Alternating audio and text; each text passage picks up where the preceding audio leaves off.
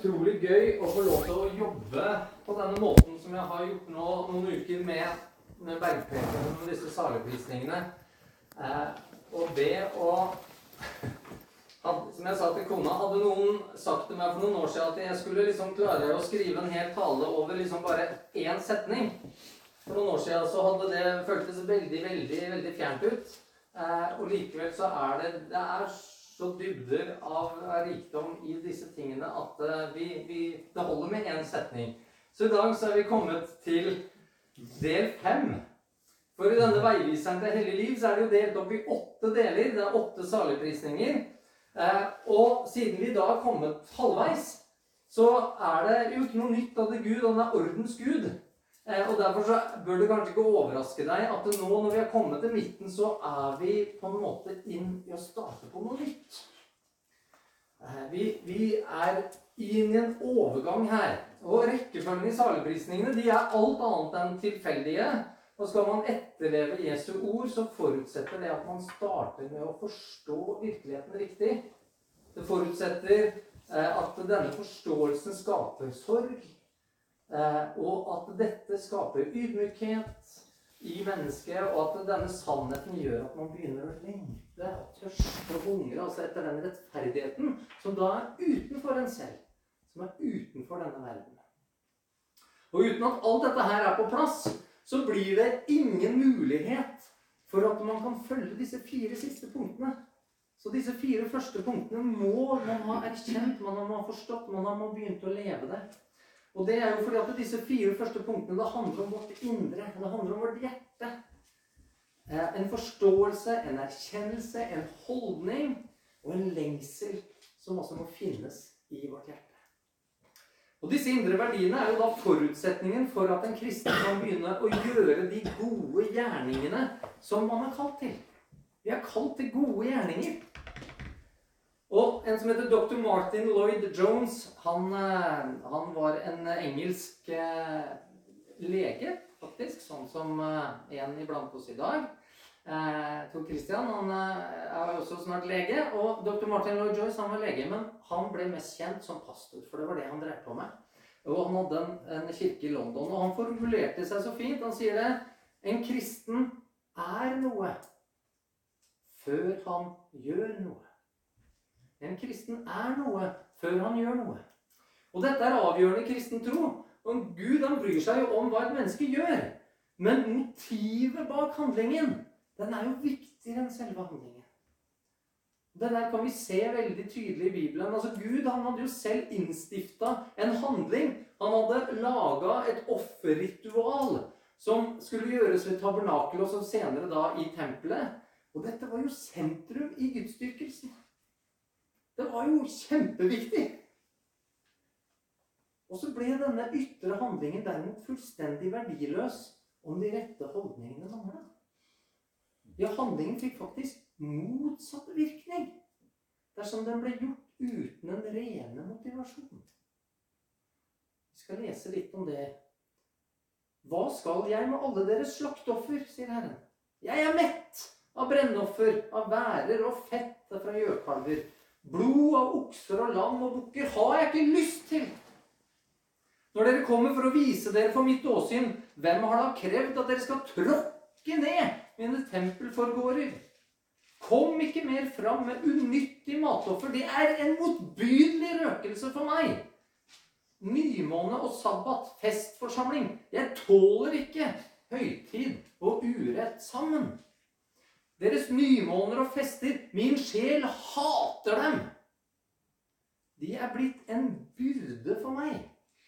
Jeg er trett av å bære dem. Og når dere brer ut hendene, skjuler jeg mine øyne for dere. Hvor mye dere så ber, hører jeg ikke. Fra Jesaja 1, vers 11-15. Fariseerne og de skriftlærde sine liv de var det veldig vanskelig å finne feil med, sånn rent menneskelig sett. Men Jesus kaller det jo også hvitkalka graver hvitkalka graver. Deres gode gjerninger var bare en fasade som skjulte de døde beina i hjertet. Og dette temaet det går igjen i hele Bibelen. Gud han ser til den nedbøyde, til den som er sønderknust. Til den ydmyke gir han nåde fordi de har en holdning som er i pakt med sannheten om virkeligheten. Sannheten om dem selv. Sannhet slik Gud har åpenbart den i sitt ord. Og dermed også sannheten om hvem Gud er. Og De fire første saligprisningene handler altså ikke om å finne seg sjæl. Det handler ikke om hjelp til selvhjelp, og heller ikke en form for selvrealisering. Alt dette er verden veldig veldig opptatt av. Og Hvis dere ser på sånne bestselgerlister for bøker, så vil dere se at veldig mange av de bøkene som topper sånne lister, det er sånne selvhjelpsbøker. Hvordan du skal bli en bedre utgave av deg selv, osv. Eh, og mange av disse andre bøkene som ligger på de listene, det er om folk som har funnet seg sjæl. Det er biografier om folk som liksom har funnet seg sjæl. Det er kjempespennende å lese det, da. Syns mange. Men saligprisningene handler derimot om å se seg selv i møte med en hellig Gud. Se virkeligheten i lyset fra Guds ord og forstå konsekvensene av det. Og Det handler jo også da om å skjønne hvorfor man tenker, hvorfor du føler, og hvorfor du gjør det du gjør. Menneskers forklaringer på sånne type ting, de er veldig ofte med på å unnskylde eh, mange av disse holdningene og de handlingene som mennesker gjør. Og begrunnelsen for dette det vil alltid ligge i bundet i millioner av år med evolusjon. Og det er fullstendig galt.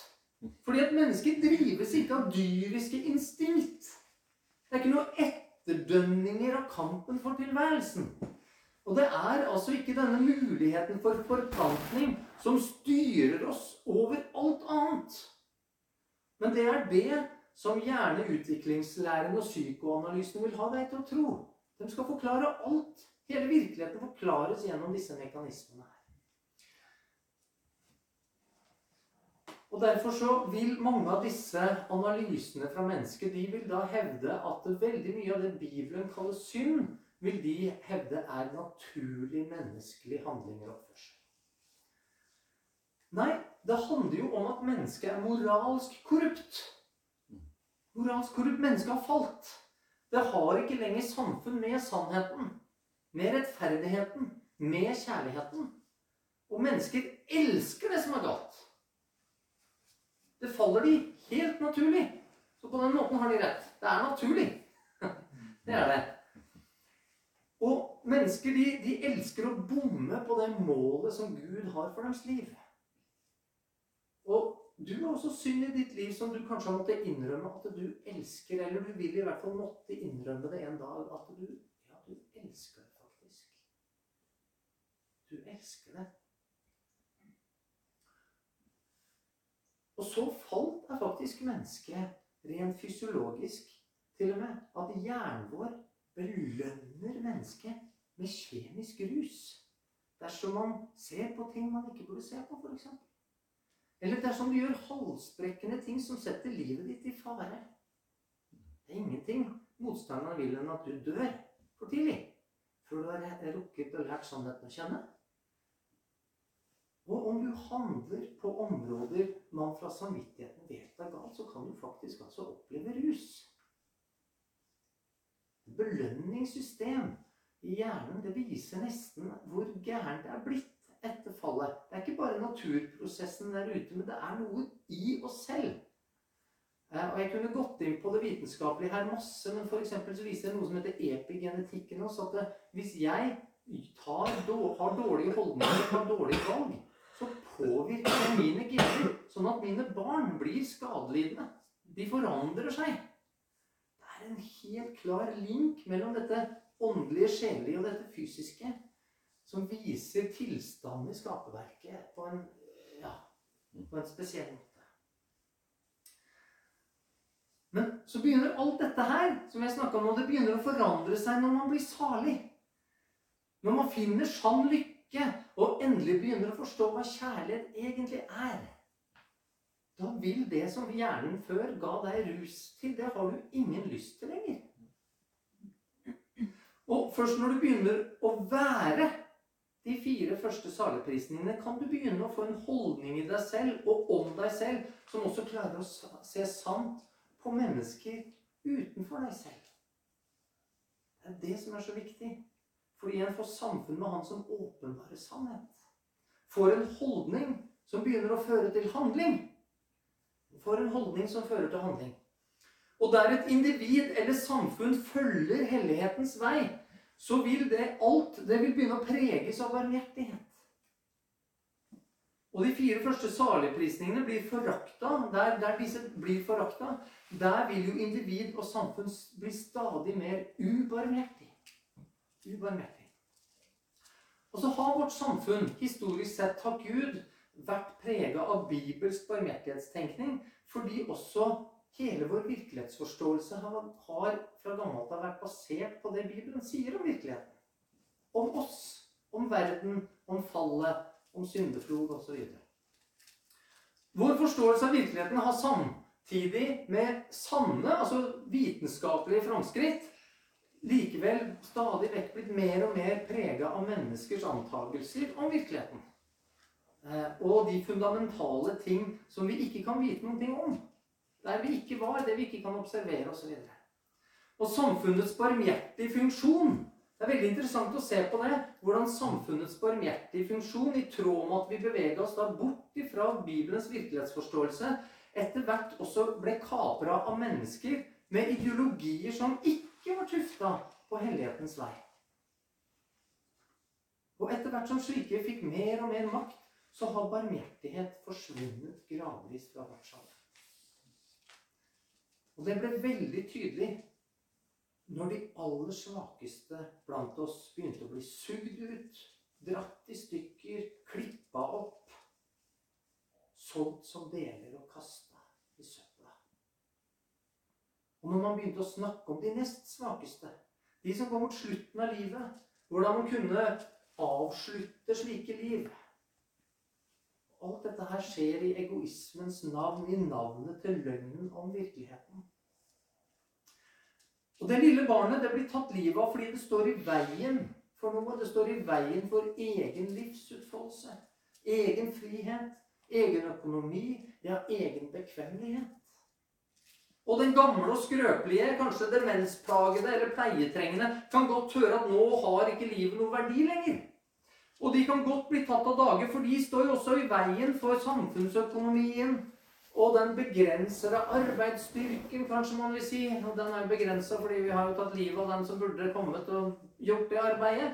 Eh, og de står i veien for fri bruk av min tid og, og fri bruk av den arven jeg kan få. Egen bekvemmelighet blir altså skadelidende. Og det som kjennetegner disse to gruppene, er at de er lette offer. De er lette offer. De kan ikke kjempe imot. Hva, hva, med mannen da nede i gata der du bor, med det, det veldig fine huset og den ekstravagante livsstilen? Han står jo også i veien egentlig for min bekvemmelighet.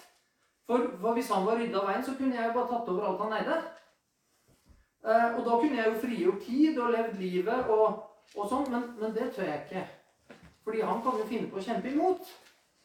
Arvingene hans kan jo finne på å kjempe imot òg. Og enn så lenge i motsetning til i de to første eksemplene så er, vil også staten faktisk kjempe imot på hans vegne.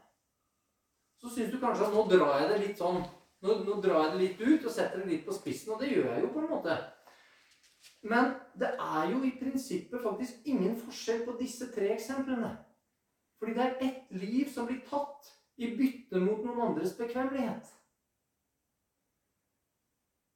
Men så gjør vi det altså bare mot de forsvarsløse mot dem som tilsynelatende det ikke koster oss selv noe å ta livet av.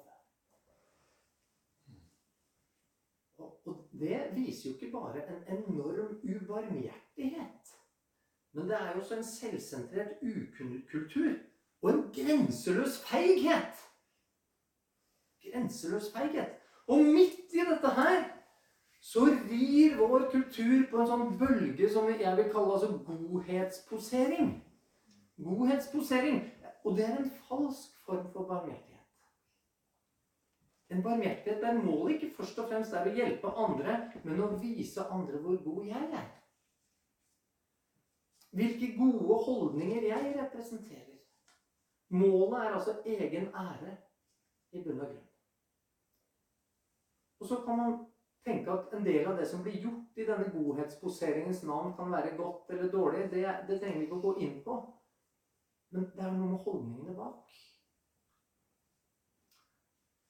Og en form som denne formen, da, som er godhetsposeringen, den, den virker opptatt med å vise barmhjertighet mot noen mennesker. Ja? Men samtidig kan vi altså drepe andre mennesker. Når du setter disse to tingene opp mot hverandre, så begynner man å forstå at her er det noe galt. Og det er gjerne barmhjertighet mot mennesker som vi selv slipper å ha noe direkte med å gjøre. Sant? Mennesker som gjerne i utgangspunktet er fjernt fra oss personlig. Eh, det er mennesker som vi gjerne kan bruke andre sin tid, andre sine penger, andre sine ressurser på å hjelpe. En, en form for barmhjertighet som synes å være uten omtanke for hvordan tredjepart blir påvirka. Det kan være ting du vet om der som kan få det til å Jeg vil ikke gå mer nærmere inn på det, men ofte i en sånn type barmhjertighet, så er det en tredjepart som blir skadelidende. Og spesielt en tredjepart som er svak, og som derfor mer enn andre må bære eventuelle negative konsekvenser av denne godhetsposeringen.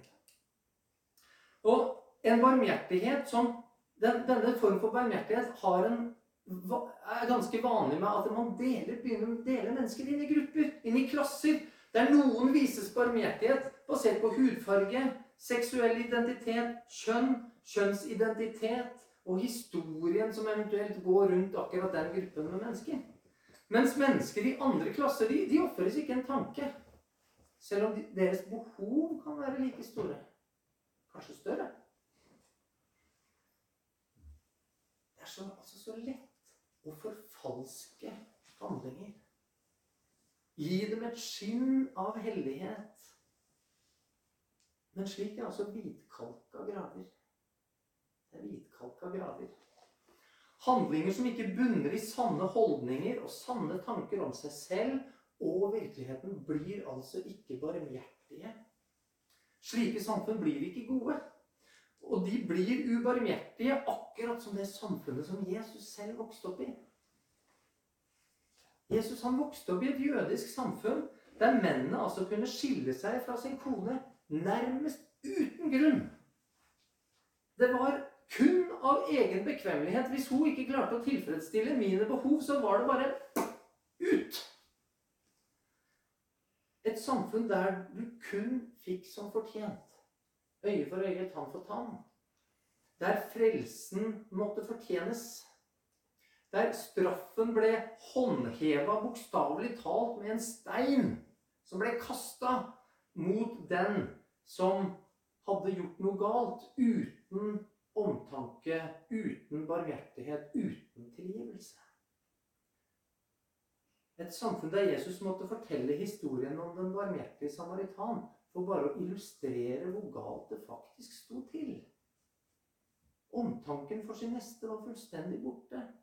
Ja, selv omtanken for egne landsmenn, for eget folk. Skulle vi snakke litt om det, men det står litt om på en måte den som ikke tar seg av sine egne. Han er verre enn en ugudelig, står det en plass i Skriften. Så det der med å ta vare på sine egne der du har en forbindelse, det er viktig. Et samfunn der Jesus altså rev ned menneskebud som gikk på akkord med Guds bud på disse områdene. Og der kan vi lese Men dere sier, sier altså Jesus, Dersom noen sier til sin far eller mor det du skulle hatt av meg til hjelp, det skal være en gave til tempelet. Det finner du i Matteus 15. Og Det Jesus gjør her, det er at Jesus tar et kraftig oppgjør med falsk fromhet. Med godhetsposering. Fordi at det er en holdning i samfunnet som, som så bort ifra de nærmeste sitt behov ved å late som at de av godhet gav til noe eller noen andre. Eh, og det som kjennetegner en sånn type giverglede, om du vil, da, i anførsel, det er at man gjerne vil gi til noe eller noen som de selv kan få større ære av å gi til. enn det å ta vare på sine egne. Du får ikke noe ære av det. Og vet du, Sånne holdninger synes veldig skremmende nært i vårt samfunn i dag. Jeg kunne pekt på ganske mange ting som går nettopp i den, ret i den retning. Og så var det jo ikke bare det jødiske samfunnet som var ubarmhjertig. De var jo også okkupert av det romerske samfunn. Og de er jo, de krevde inn skatt osv. Og, så videre, og de var jo kjent for sin råskap. Det romerske samfunnet. En romersk filosof sa at barmhjertighet var sitat, en sykdom i sjelen. En sykdom i sjelen. Det var et tegn på svakhet. Så romerne de holdt justis, mot, disiplin og makt. Det var ærbare verdier. De forakta barmhjertighet. Når et barn ble født, så kunne en romersk far bestemme om han ville beholde barnet eller ikke. De hadde en rettighet som het patria potestas. Og da kunne han altså ved barnets fødsel holde tommelen opp hvis han ville at det barnet skulle leve. Men gikk tommelen sånn, så ble det nyfødte barnet tatt med og drukna med en gang. Og den romerske borger, som ikke lenger ville beholde en slave som han ikke var fornøyd med, han kunne drepe den og gå gravleggen uten tanke på noe rettslig oppgjør. Det var ingen rettslig etterspill hvis han gjorde det. Og det var heller jo ikke noe problem å drepe sin kone hvis hun ikke var opp til standarden han ville ha. Og romernes forlystelse ved andres død og ulykke den finner vi jo ganske godt dokumentert fra arenaene sin virksomhet og, og gjennom den straffe- og henrettelsesmetoden. Det var grusomme, grusomme ting. Så barmhjertighet var det ikke plass til i Jesus sin samtid. Og den som viser oss det selvfølgelig best av alle, det er jo Jesus sitt eget liv. For det er jo ingen som noen gang har vært så barmhjertig som Jesus var. Han møtte syke, så gjorde han de friske. Han lot de lamme gå. Han ga de døve hørselen tilbake. De som ingenting kunne se, ga han syn igjen. Han ga de stumme muligheten for å igjen kunne bli hørt. Han oppsøkte skatteoppkrevere og prostituerte og fyllikene og ga dem kjærlighet og frelse. Han reiste opp dem som samfunnet hadde trykka lengst ned. Han ga de ensomme oppmerksomhet og vennskap. Og han tok barna opp på fanget, og så gleda han seg i deres latter og lek. Ingen viste barmhjertighet som han. Og ingen møtte behovene til menneskene slik som han. Han stoppa jo ved et gravfølge der en mor gråt fordi hun hadde mista den siste sønnen sin. Den eneste som nå kunne ta vare på henne i alderdommen. Og så reiste han den gutten opp fra de døde. Han tilga kvinnen som var tatt på fersken i hor, og så omgikk han da avskummet i samfunnet. Han gråt med de som sørga. Så gleda han seg med de som feira. Ja, han lot faktisk ikke festen ta slutt, og han lot ikke skammen komme over vertskapet når det gikk tom for vin. Det er barmhjertig. Da begynner, da begynner vi å snakke om luksusbehov, venner. Han bryr seg om det òg. Luksusbehov. Det kjenner vi litt til i vårt land. Men han bryr seg faktisk om det. Og likevel så skrek de for hans blod. Spytta han i ansiktet slo han, forbanna han til hans ansikt. Det folk han viste barmhjertighet, fikk han ingen barmhjertighet fra. Så disse to barmhjertighetsløse systemene, altså det jødiske og romerske, den gikk sammen i en union om å drepe ham. Og hadde Jesus vist falsk barmhjertighet, derimot, så ville ikke noe av dette her ha skjedd. Den er veldig behagelig, for den viser bare barmhjertighet mot de rette personene. Mot de rette gruppene. Gir barmhjertighet ved å la folk få leve som de vil. Flytte dit de vil. Være den de vil. Den lar være å prøve å fylle det aller viktigste behovet ethvert menneske har. Behovet som de fleste ikke engang skjønner at de har. Behovet for frelse. Og den falske barmhjertigheten blir alltid lønna av verden. Men for ære Du får beundrende blikk. God omtale. Blir gjerne flytta opp for høye posisjoner. Hvis du ikke har hatt det i ditt eget land, så blir du flytta opp på internasjonalt høye posisjoner hvis du bare har vist nok falsk barmhjertighet. Sann barmhjertighet ender aldri sånn. Den ender i hat fra alle som føler seg avslørt når du påpeker hvor hvitkalka den graven er. Mm. Hat når man løfter opp den som samfunnet forsøker å trykke ned. Når du vil snakke godt om de som alle de andre hater. Når du kanskje står opp for en hvit hetero mann i vårt samfunn, f.eks. Da blir du ikke veldig populær. Men det er jo en sånn gruppe nå som ikke er så populær å vise barmhjertighet til. Eh, bare for å ta et eksempel. Og hat når man forsøker da altså å stille det aller, aller viktigste behovet et menneske har. Så uttak er verdens lønn. Det er bare at Vi begynner snart ikke å forstå det uttrykket fordi at vi driver bare på med falsk barmhjertighet og opplever at vi får takk hele tida. Men de barmhjertige er jo salige. De er lykkelige, for de skal jo finne barmhjertighet. Hva, hva er det Jesus mener? Vi har nettopp sagt at det er jo ikke sånn. Det er helt motsatt. Jo, vær barmhjertig mot andre, så vil du finne at Gud er barmhjertig mot deg. Og vil vise deg barmhjertighet i dommen. Det er det Jesus mener. Og da, Hva er sann barmhjertighet? Nå har jeg brukt en del tid på å prøve å avkle falsk barmhjertighet. Hva er sann barmhjertighet? Jo, På engelsk så står det 'Blessed is the merciful, for they will receive mercy'. Og Da er det lett å tenke sånn i banen av frelse med en gang om nåde. Og dette handler om å være frelsende, for da blir man frelst selv. Eh, og dette er en av de få gangene faktisk hvor det norske språket kanskje er litt flinkere til å distingvere mellom, eller, mellom dette enn det den engelske oversettelsen er. Fordi at det, barmhjertighet er et begrep som involverer noe mer. Noe som er videre. Alle gjerninger, alle gjerninger som er til gavn for mennesker som har behov, er barmhjertighet. Alle gjerninger som er til gavn for mennesker som har behov, er barmhjertighet. Og barmhjertigheten den opererer jo i sannhet. Og derfor så er det sanne behov vi snakker om. Altså Mange behov som vi mennesker opplever å ha, det er egentlig fristelser. Ja? Og mange prøver å fylle sanne behov med løgnens løsninger. Og slik er det jo spesielt i velstående samfunn som vårt eget, der hvor disse basisbehovene er dekka stort sett. Men barmhjertigheten forsøker å dekke alle samme behov. Det er ikke småtteri. Fordi alle mennesker har behov. Alle mennesker har behov. Og da begynner jeg å tenke åh, Kan jeg ikke få lov til å begrense definisjonen her litt? Sant? Redusere kravene. Dette her makter jeg ikke. Og så tenker jeg nei, vet du. Her skal du få lov til å tenke stort.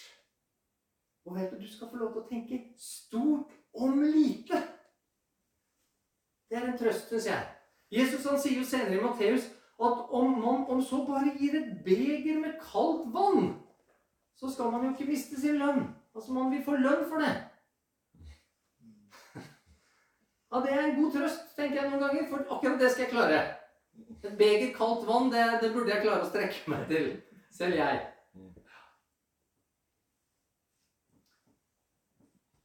Og det er jo ikke hvilken som helst lønn. Det er en evig lønn. Evig lønn. Det er en handling da akkurat her i Matteus eh, hvor Jesus snakker om dette, som er jo spesielt retta mot en Jesu disipler. Men det sier altså noe om storheten i Guds tanker. Om det å gjøre godt mot sin neste ut fra de rette holdningene. Ut fra de rette holdningene. Det betyr i praksis at et beger kaldt vann med de rette holdningene er bedre enn å brødfø tusen med de gale holdningene, og gjerne med andres penger. Ja, det er det. Men det er en veldig fjern tankegang for mennesker i vårt samfunn i dag.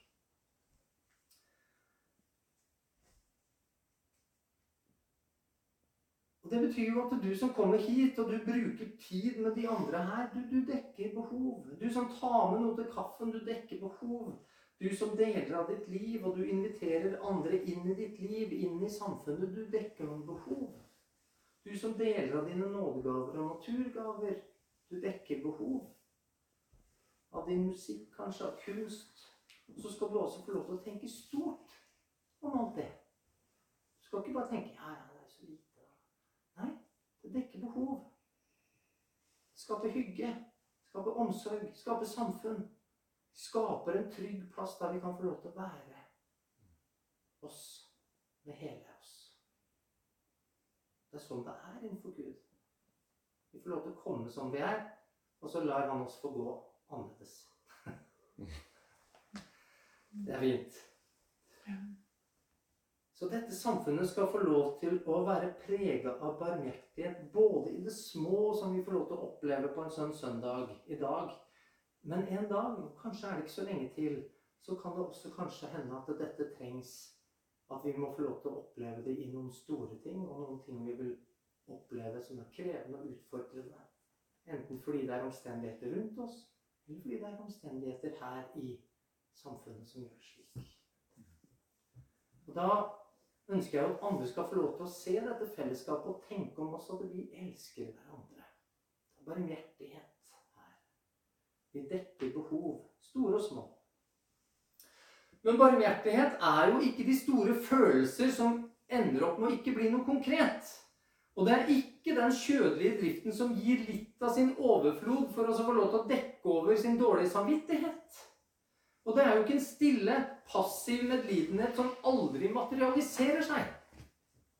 Det er ekte, medfølende, som uten tanke på egne interesser søker ut for å hjelpe. Så barmhjertighet er å se en som sulter, og gi ham mat, selvfølgelig. Å se en som trenger kjærlighet, og gi han kjærlighet.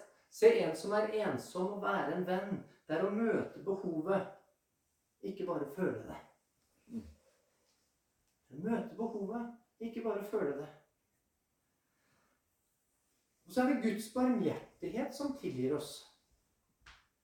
Det er Guds barmhjertighet som tilgir oss. Og de, disse to tingene er derfor beslekta. Og, og den som viser barmhjertighet, må kunne tilgi. Men barmhjertighet er jo også mer enn å tilgi synd. Vi skal se litt på disse tingene nå. Nå kan dette kanskje være nye tanker for deg, og litt der du må bruke gjerne litt, så håper dere klarer å følge med nå. Jeg skal starte å lese litt. Herrens miskunn, eller barmhjertighet, da, er at det ikke er forbi med oss. Hans barmhjertighet har ennå ikke tatt slutt. Den er ny hver morgen. Din trofasthet er stor, sier klagesangene.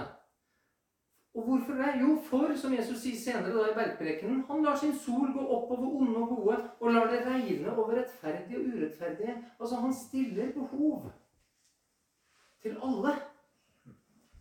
Uavhengig av gruppe uavhengig gruppe.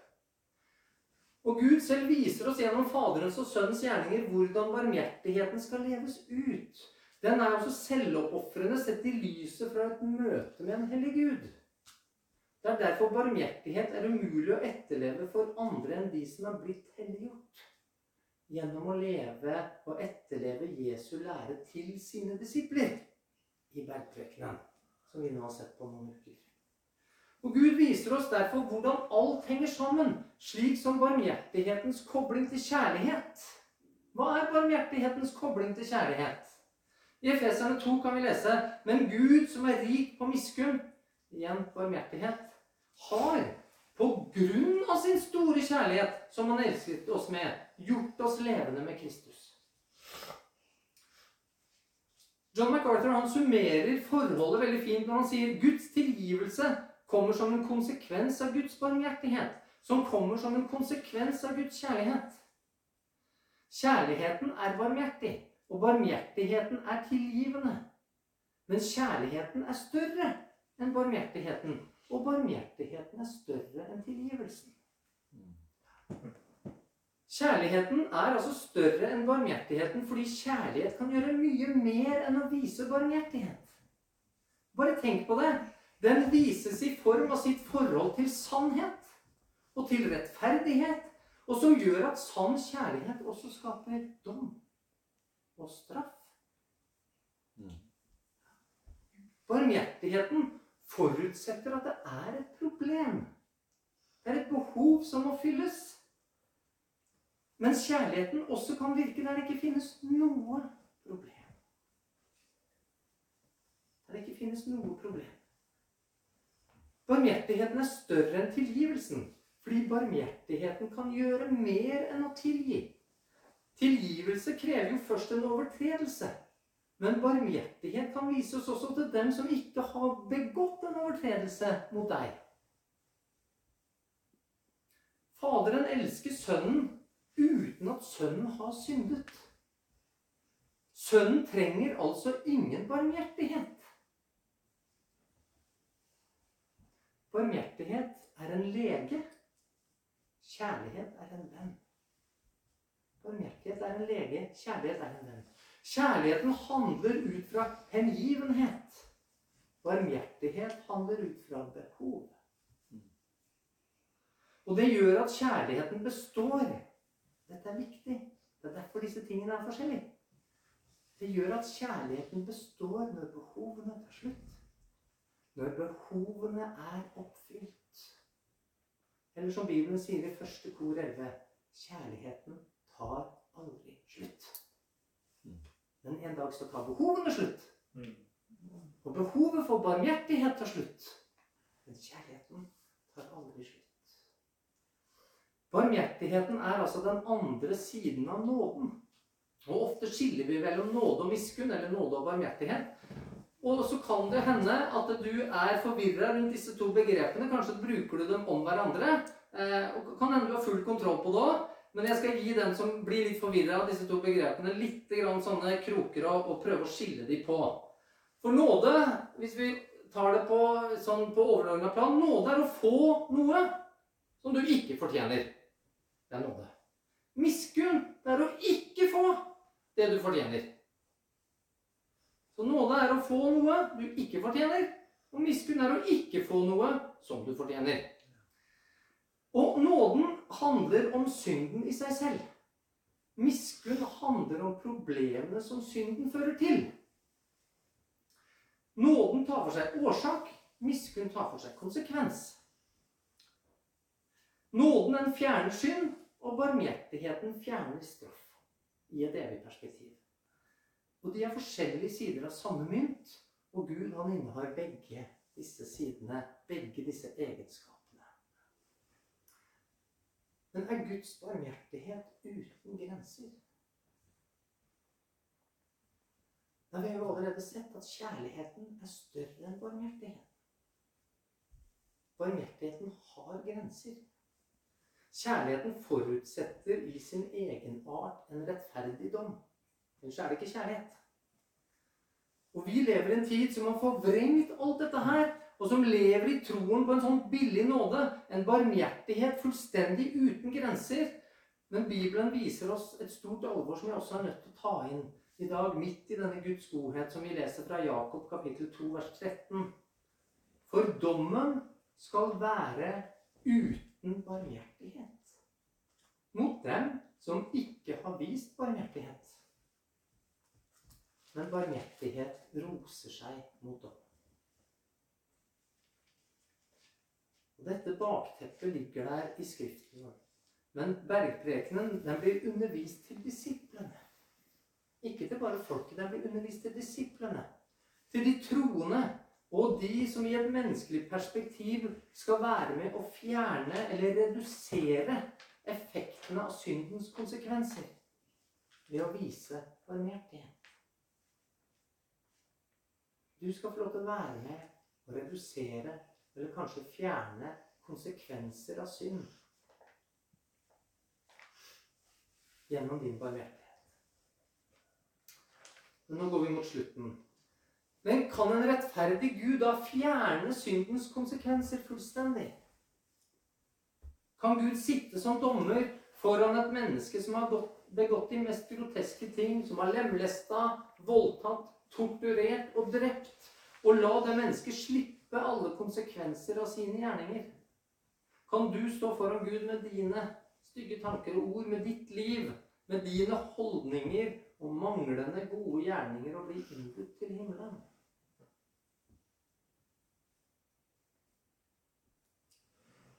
Ja, det kan du. Det kan du. For det var et offer som ble gitt av en som hadde som derfor klarte å vise sann barmhjertighet. En som frivillig kom med sitt offer. Et offer som ikke trøtta Gud. Et blod Gud hadde behag i. En som ikke tråkka ned Guds tempelforgårder, men som tok fram pisken og rensa det. En som ba en bønn som Gud hørte. Ikke som jeg vil, bare som du vil.